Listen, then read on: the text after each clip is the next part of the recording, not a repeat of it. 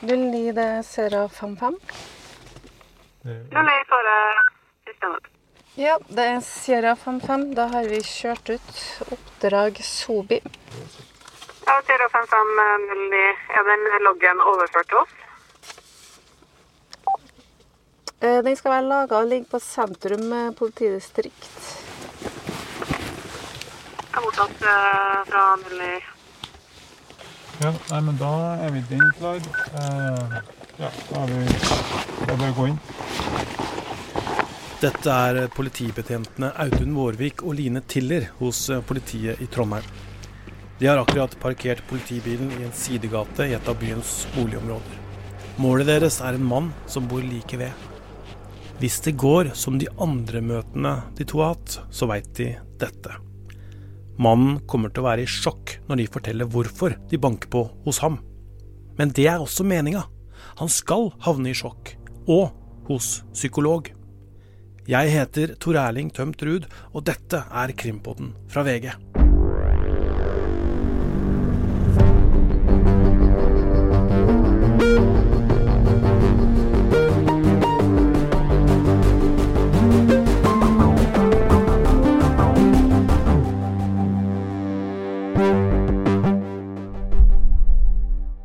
Dag skal du få bli med på en helt spesiell politioperasjon.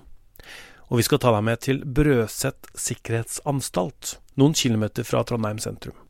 Som de første i verden samarbeider nemlig politi og psykolog her i Trondheim for å konfrontere og behandle folk som politiet veit har lasta ned overgrepsbilder. Personer som de mener står i fare for å ende som overgripere selv. Det er Krimpoddens Håkon Fostervold Høydal som skal ta oss videre inn i saken. Ja, det som politiet gjør her oppe, sammen med psykolog, det er faktisk helt unikt i verden. Sammen så har de utviklet en metode som er hard, den er tøff, men ifølge dem så er den helt nødvendig. Og den er kanskje det fordi ifølge tall fra Kripos, som overvåker noen av områdene på internett hvor overgrep blir lasta ned, så var det i fjor, i 2021 altså, 8000 nordmenn som lastet ned overgrepsmateriale. 8000 menn, altså. For det er primært menn som gjør dette her. Og disse 8000, det er bare de som laster ned overgrepsmateriale som politiet allerede kjenner til og kan overvåke nedlastingen av. Så hvor mange flere som gjør dette her, det vet man faktisk ikke. 8000 eh, kan jo sette det i perspektiv. Det er nesten like mange som til sammen fikk brystkreft eller prostatakreft i 2021. I Trondheim så var det ifølge Kripos 418 personer som lasta ned overgrepsmateriale i 2021. Dette store antallet, det har gitt politiet et problem. Vi skal snart tilbake i politibilen til Audun og Line, men før det, bli med inn på politistasjonen i Trondheim sentrum. Vi sier jo hei, vi kommer fra politiet, og at vi ønsker en prat. Og så spør vi om uh, han er alene. Og Hvis han bekrefter at han er alene, så spør vi ofte om å komme inn. Og så forteller vi at uh, budskapet vårt, altså hvorfor.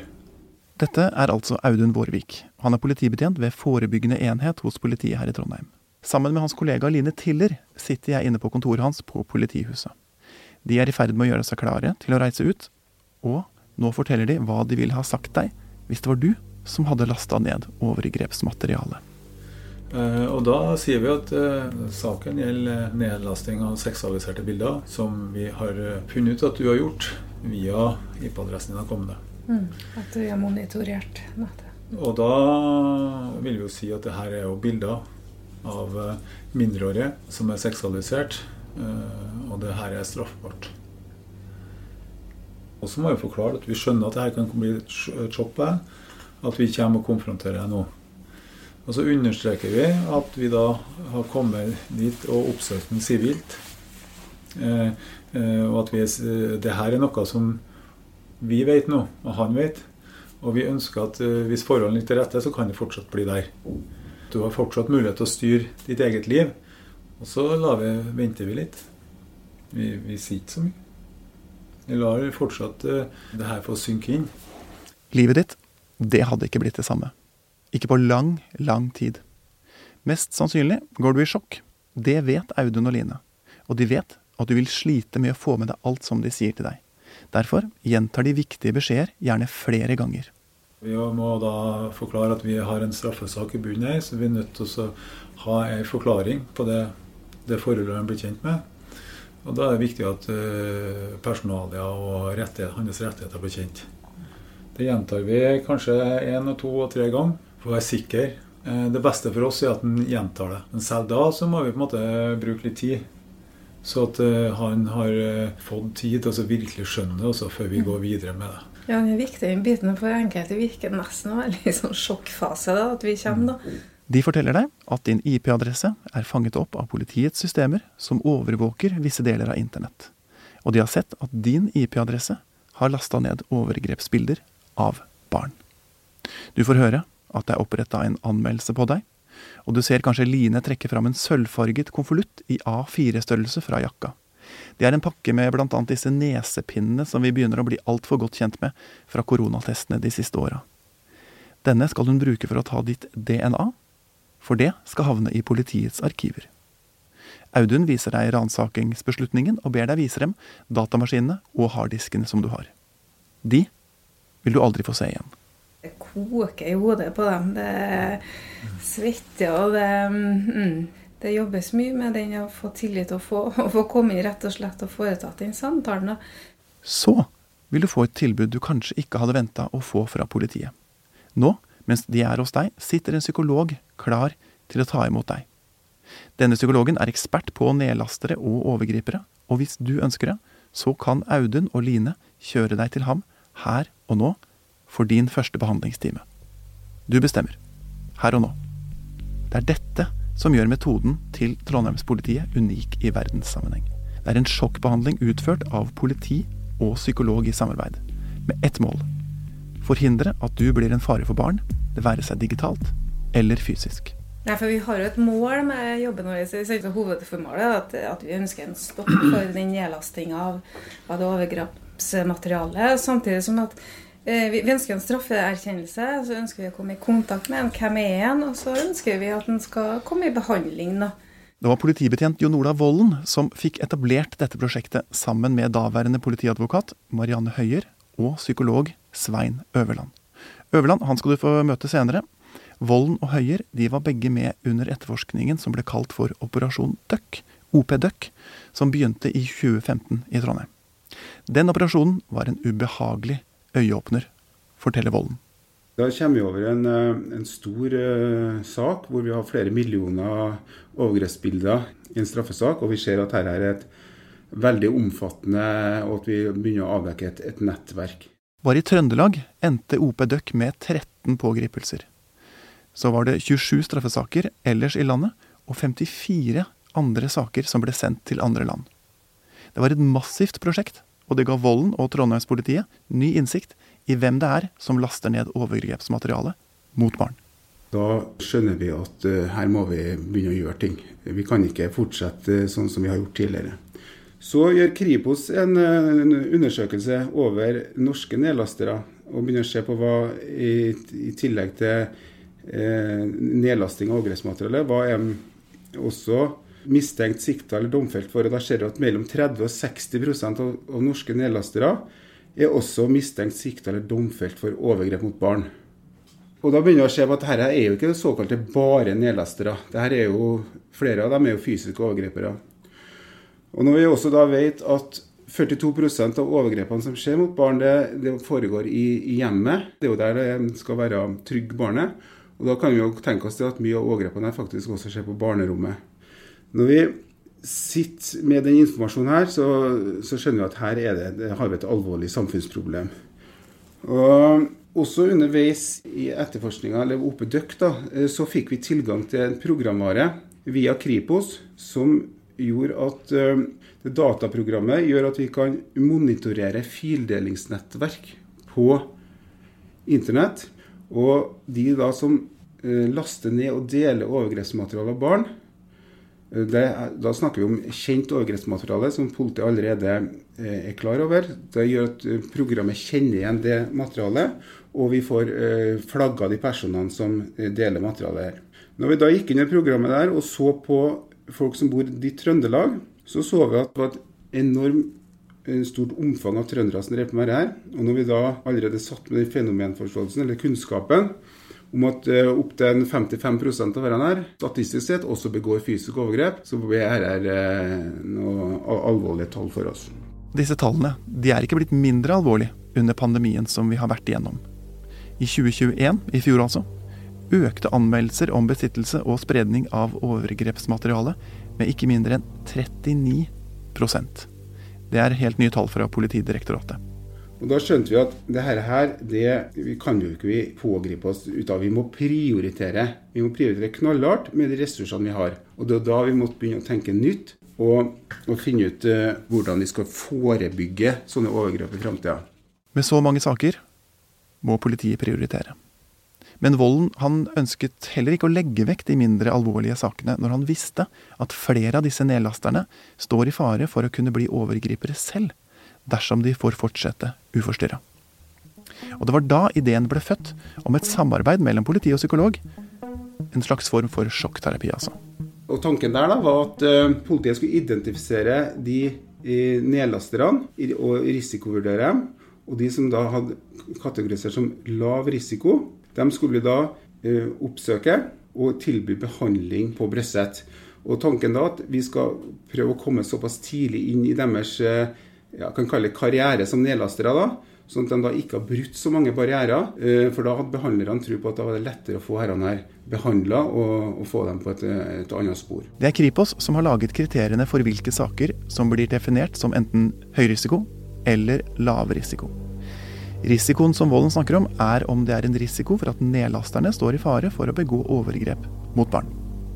Det viktigste kriteriet er om nedlasteren har nærhet eller tilgang til barn, enten gjennom egen familie, jobb eller fritid og frivillig arbeid. De som har det, de blir automatisk vurdert som høyrisikosaker og etterforsket grundig. Det andre kriteriet er overgrepsbildene de laster ned. Har de lasta ned mange? Viser bildene grove overgrep, eller er barna veldig små? Da blir saken også en høyrisikosak. Men hvis du bor alene, er ung, har lasta ned et fåtall overgrepsbilder, så er det godt mulig at Volden og hans kolleger vurderer at det er liten risiko for at du foreløpig står i fare for å begå egne overgrep. Høy risiko det går på vanlig måte med anmeldelse, pågripelse, ransaking og gjennomgang av beslag og, og avhør og, og, den biten der. Men da er det som er nytt nå, da, det er altså det lavrisikosporet. Men det er ikke noe lovnad om at hvis du sier ja til behandling, så skal vi behandle deg mildere hos politiet? Nei, Nei, det er ikke, ikke noe sammenheng der i det hele tatt. Eh, straffesaken går, går, sin gang. Vi får ikke noe tilbakemelding fra Brøsset om hvem som takka ja og fullførte prosjektet. Så det er tette skott mellom helsevesenet og politiet. Straffesaken hos politiet går på vanlig måte, altså. Men Volden sier også at de fleste sakene til de som får tilbud om behandling hos psykolog Øverland på Brøset, avsluttes med et forelegg. Det er fordi sakene i seg selv ikke er de alvorligste. I likhet med flertallet av dem som Audun og Line har oppsøkt, gjelder også saken i dag nedlasting av seksualiserte bilder av barn som er mellom 10 og 15 år gamle. Men nettopp det at saken vurderes til at den ikke er like alvorlig som en del andre nedlastingssaker, er poenget med dette prosjektet. Målet er nemlig å fange opp nedlasterne tidlig, og slik forhindre at de blir til skade for barn senere, samtidig som de selv får et tilbud om behandling. Inne på kontoret til Audun gjør han og Line seg nå klare til dagens konfrontasjon. I tilfelle en situasjon skulle oppstå som er uforutsett, så da, da har vi med håndjern og BP-spray. Det blir jo litt uh, sjokkarta opplevelse da, i forhold til at de er helt uforberedt. og Derfor også, vi må bruke veldig mye tid og må være veldig på for å lese vedkommende. Hvor er han igjen? Så det, det, er jo litt spesiell situasjon, egentlig. Uh, vi kan jo forvente at han er hjemme, tenker jeg. Eh, det er jo kanskje den nærmeste muligheten for å treffe en. Ja. ja. Rett og slett eh, dra rett hjem til en. Eh, men selve saka, hva var anmeldelsen gikk på? Hadde du lest gjennom den du òg? Ja, jeg gjorde ja. det. Så det var jo nedlasting av overgrepsmateriale. Jenter mellom 10 og 15 år. Mm. Og så har jeg tatt ut den beslutning om ransaking. Tingretten har gitt oss medhold etter straffeprosessloven 197 om ransaking hjem til henne. Og DNA-pakkene har vi? Ja. DNA-prøvesett. Ja. Jeg tar med to i tilfelle det skulle skjære seg med den ene. Yes. Eh, nei, men da har vi det egentlig Vi har sånn det praktiske. Eh, jeg snakka med Proteus på Brøset, og de er orientert om at vi er på tur ut. Mm. Så at, vi, at, de er forberedt hvis vi ringer. Jeg håper jo at han blir med opp til Proteus. Og vi, det må vi på en måte prøve å få han til å skjønne. At han blir med oppover. For det er en fordel for oss i forhold til når vi skal forlate han. Og så var han eh, Jon Ola innom. Uh, han snakka litt om at uh, vi må huske på, altså, vi må i hvert fall tenke oss det med personalia og rettigheter. At vi på en måte gjentar det tidlig på det. Og gjentar det flere ganger, så vi er sikre på at han har fått opplest rettighetene sine og forstår det. Vi tar liksom i avhørsbiten først og får personalet selvfølgelig gjøre kjent med saken. Rettighetene. Få han til å erkjenne det faktiske forholdet. Ja. Mm. Litt det sånn, hvis han gjør det, få det ned. Mm. Uh, og at vi på en måte etter hvert da, sier at uh, nå har vi fått det som vi trenger i forhold til straffesaken, som vi naturlig nok må forklare noe om. Mm. At det ligger i bunnen. Så vi er på en måte litt tydelige når vi går over til en samtale. Vi har jo gjort ei risikovurdering til nå på forhånd. At det her er på en måte en lavrisikosak. Han er forholdsvis ung. Vi må på en måte få den tilbake inn innenfor de lovlige rammene som er. Og det er det jo en mulighet for, eh, så fremt den har gått for langt inn i det. For en del som vi har snakka med òg, har jo av seksuallovbryterne altså De begynte jo litt i det små, så har det blitt verre. Så det er klart at det er viktig for oss å få stoppa der. Begynner vi klar for å dra ut, da? Skal vi bare rett og slett kjøre ut? Ja.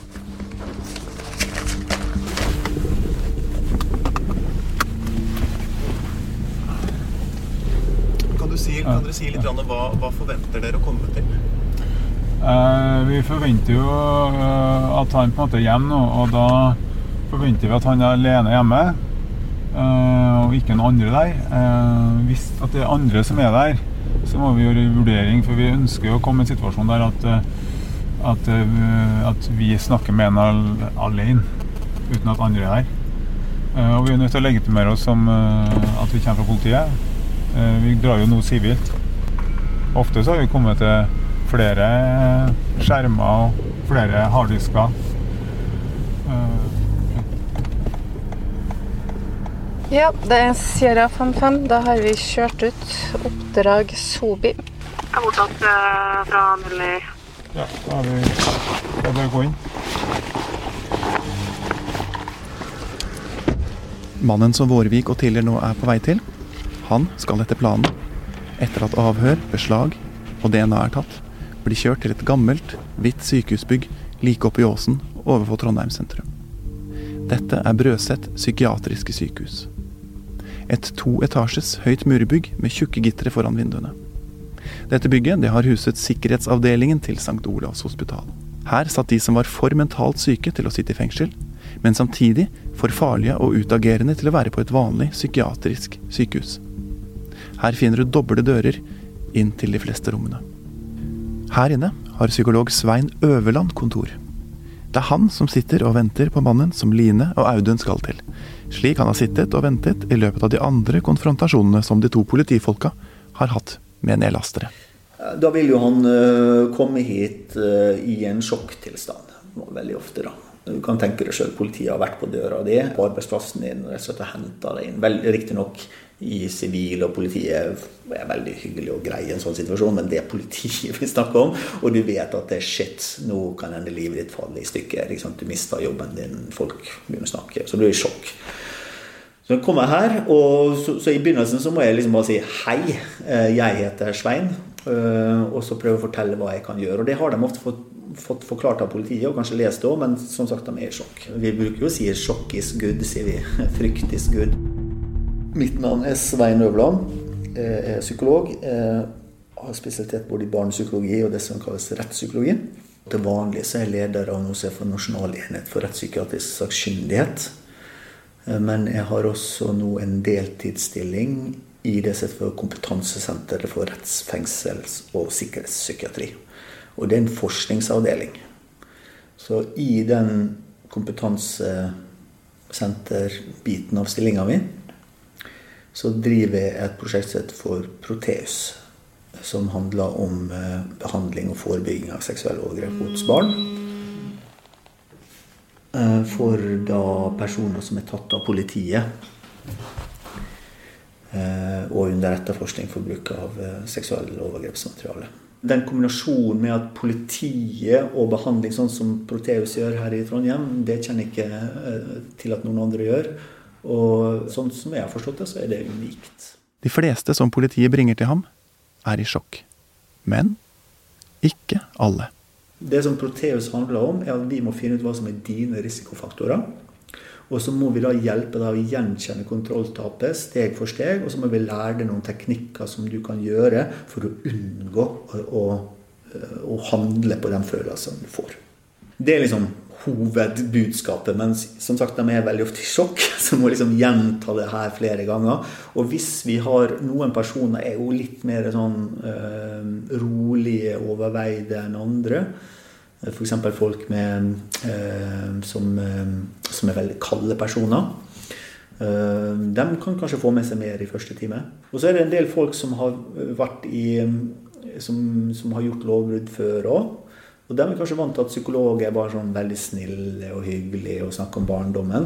Og da jeg sier sånn, dette her er ikke sånn type behandling. Jeg kommer ikke til å være så opptatt av barndommen din så lenge ikke det er direkte risikorelevant. Vi skal snakke om hva som skjer neste gang du blir frista.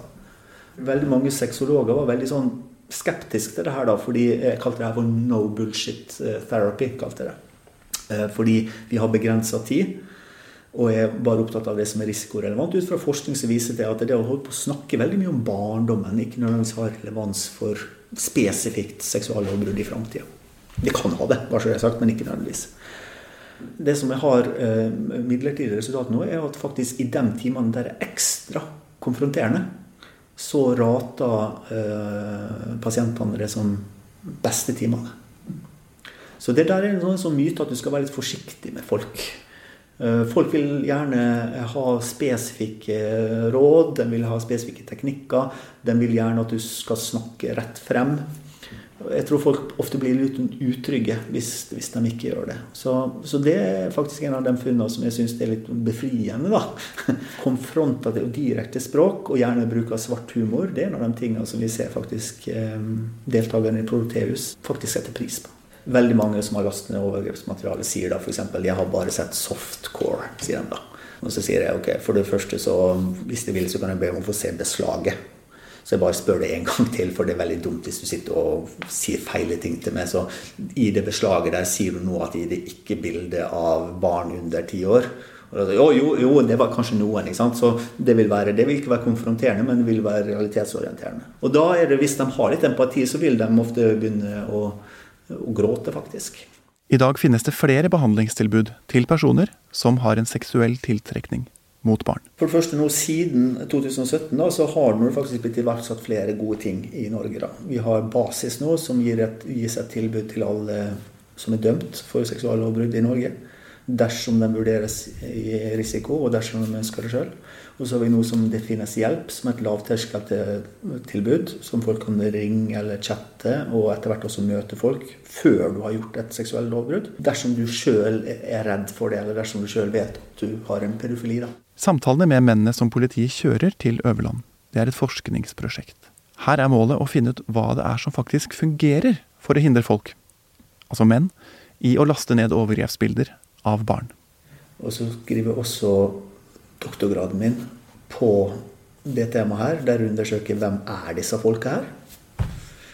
Og om den behandlinga som et proteus har effekt. For det tror vi, det håper vi, men vi vet ikke. Og mye annet av den behandlinga som har blitt gjort mot seksuallovbruddsdømte i Norge, har beviselig ikke hatt effekt. Uh, slik at det er veldig viktig å finne ut om ting har effekt eller ikke, før du setter i gang med det. For den behandlingen av overgripere som har vært gjort i norske fengsler tidligere, har faktisk gjort vondt verre, forteller Øverland. Det som beviselig ikke har hatt effekt, er jo da den type behandling som man har gjort i England og i Norge i fengsler. Så heter for Sexual Offender Treatment Program. Og det har jo man da kopiert både for England og Norge ut fra en modell som ble utvikla i USA på 80-tallet. Så kom det en stor gjennomgang av behandlinga i 2017. Der man da gikk gjennom 11 000 deltakere i Storbritannia som hadde fått behandlinga, og fant ikke bare det at behandlinga ikke hadde effekt, men man fant ut at den som hadde fått behandling, hadde høyere tilbakefall. Og klart, Det er en situasjon som, som for meg, i hvert fall, for jeg har jo vært med og drevet den behandlinga sjøl, det er det jeg kaller for et oh shit-moment. I klartekst det de oppdaget i Storbritannia, var at det var større fare for at en straffet overgriper ville begå overgrep igjen dersom han ble med i terapi, enn om han ikke gjorde det. Da er det kanskje på tide å finne på noe nytt, slik Øverland og politiet i Trondheim nå forsøker. Målet med denne sjokkbehandlingen er ikke å helbrede mennene. Det tror ikke Øverland er mulig. Men håpet er at de i motsetning til dem som fikk terapi i denne amerikanske modellen, faktisk skal slutte å gjøre ting som skader barn, og i ytterste konsekvens dem selv.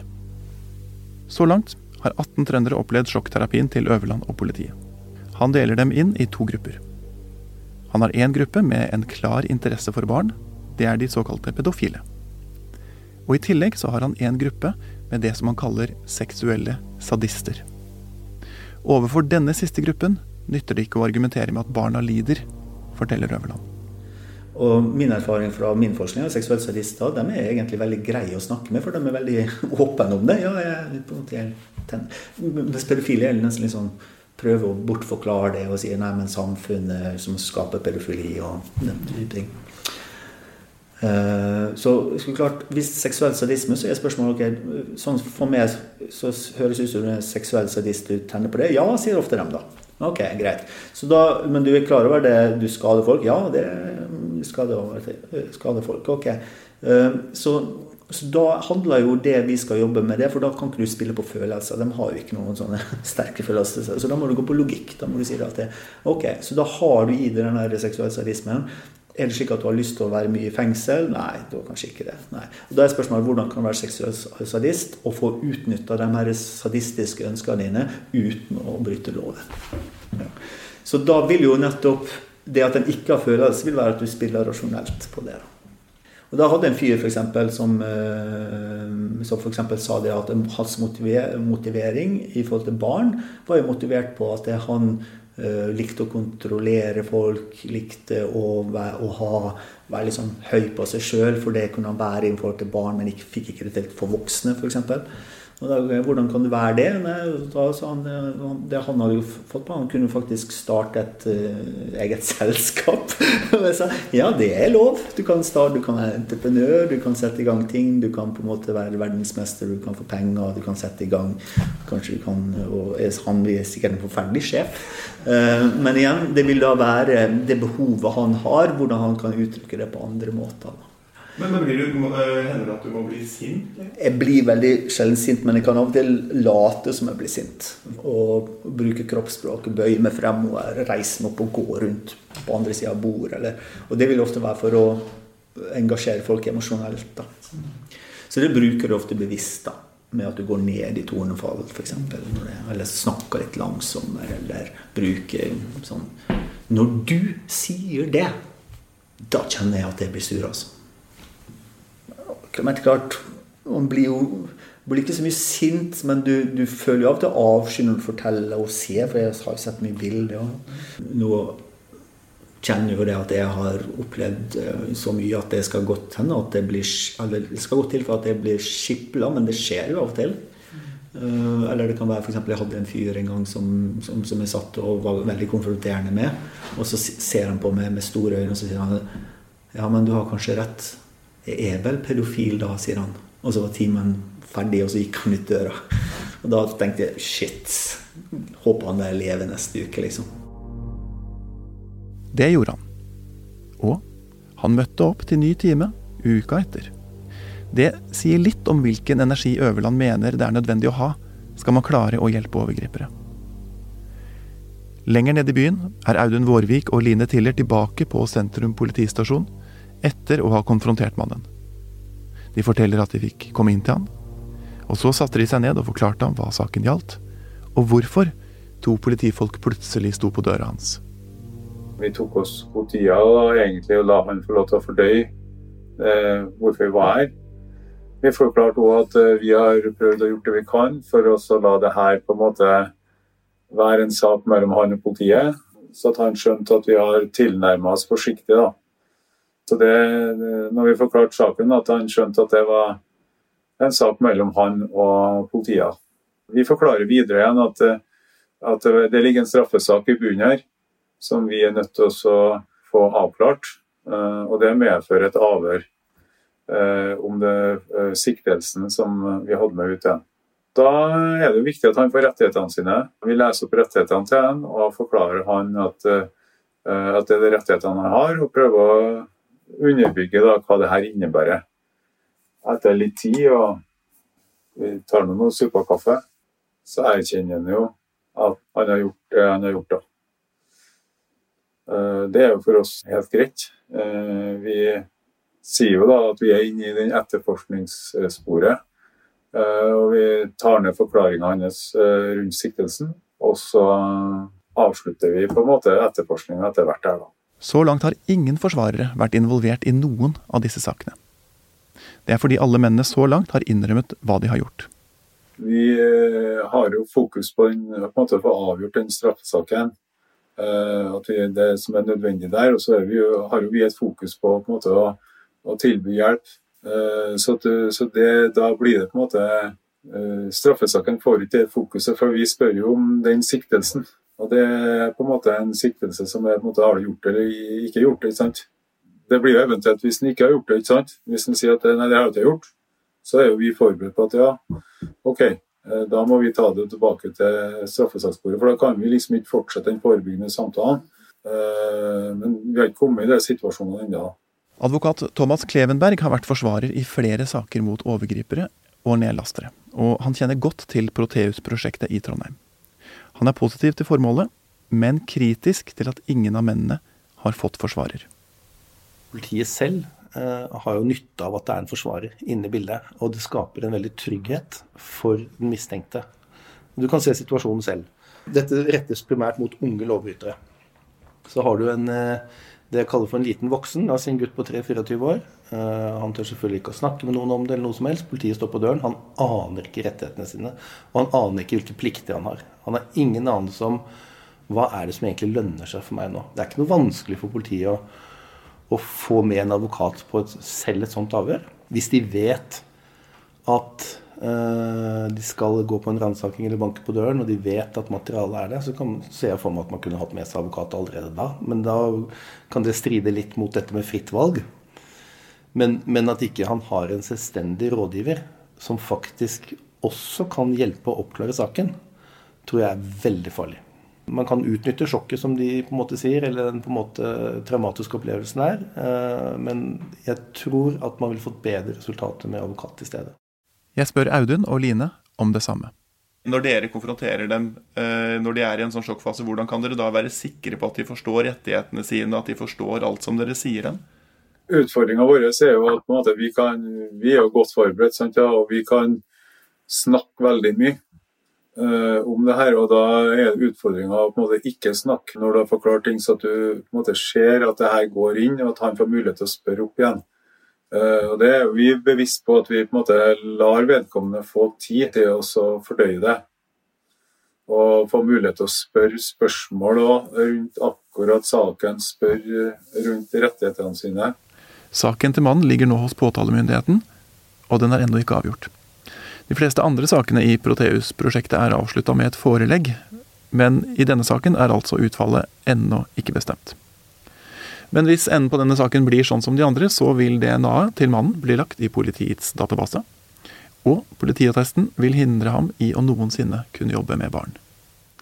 Og det er da det kommer. Etter at de har snakket med ham i en tid, gir de ham tilbudet. På Brøset venter altså psykolog Svein Øverland. Vi tilbyr det er ganske tidlig at eh, det er en eh, god hjelp for han vil være, for å få eh, bearbeida tankene han hadde rundt sine utfordringer og det faktiske forholdet i saken. Vi kjører jo helt frem. Vi tar kontakt med Øverland, og han møter oss i døra. Og det er jo et ganske sånn høyt sikkerhetsnivå der.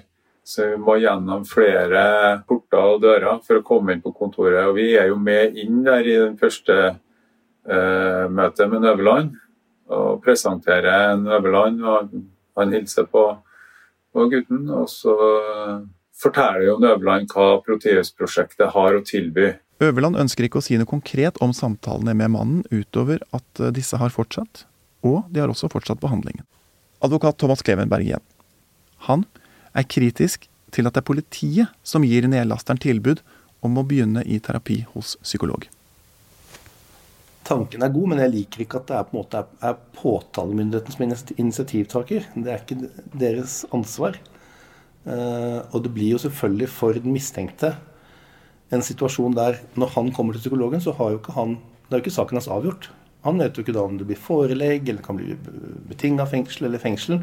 Så han vil jo i den situasjonen gjøre alt i sin makt for å fremstå som en som på en måte tar nytte av behandlingen, og her er det ikke noe mer. Det er veldig mange dyktige etterforskere som er flinke til å forklare dette her.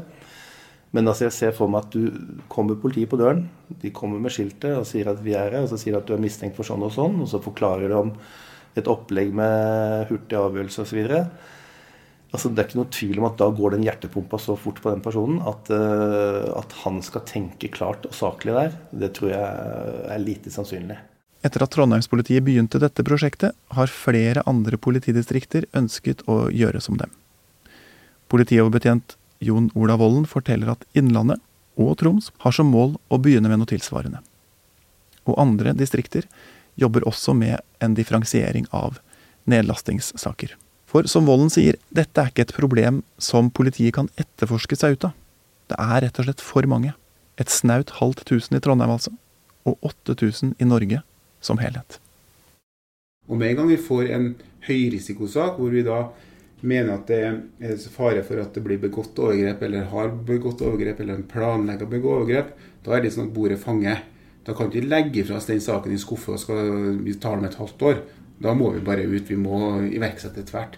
Og da må vi, eh, og hvis vi da kapasiteten vår er sprengt på, på de sakene, da må vi avvente litt med å identifisere flere som laster ned. da. Eh, så, så der er jo en eh, alltid et dilemma for oss. Så vi er, det har noe med at kunnskap forplikter. Og vi må bare iverksette. Ja, Straks dere stikker hånda nedi den gryta der, så vet dere at dere vil komme opp med noe som dere må ta tak i. Ja, vi gjør det. Denne episoden av Krimpodden er laga av Håkon Fostevold Høydal. Trenger du noen å snakke med etter å ha hørt dette, så kan du gå inn på mentalhelse.no. Der er chat og telefon åpen døgnet rundt. Produsent for Krimpodden er Vilde Våren, og musikken er laga av Ronny Furuvik. Jeg heter Tor Erling Tømtrud.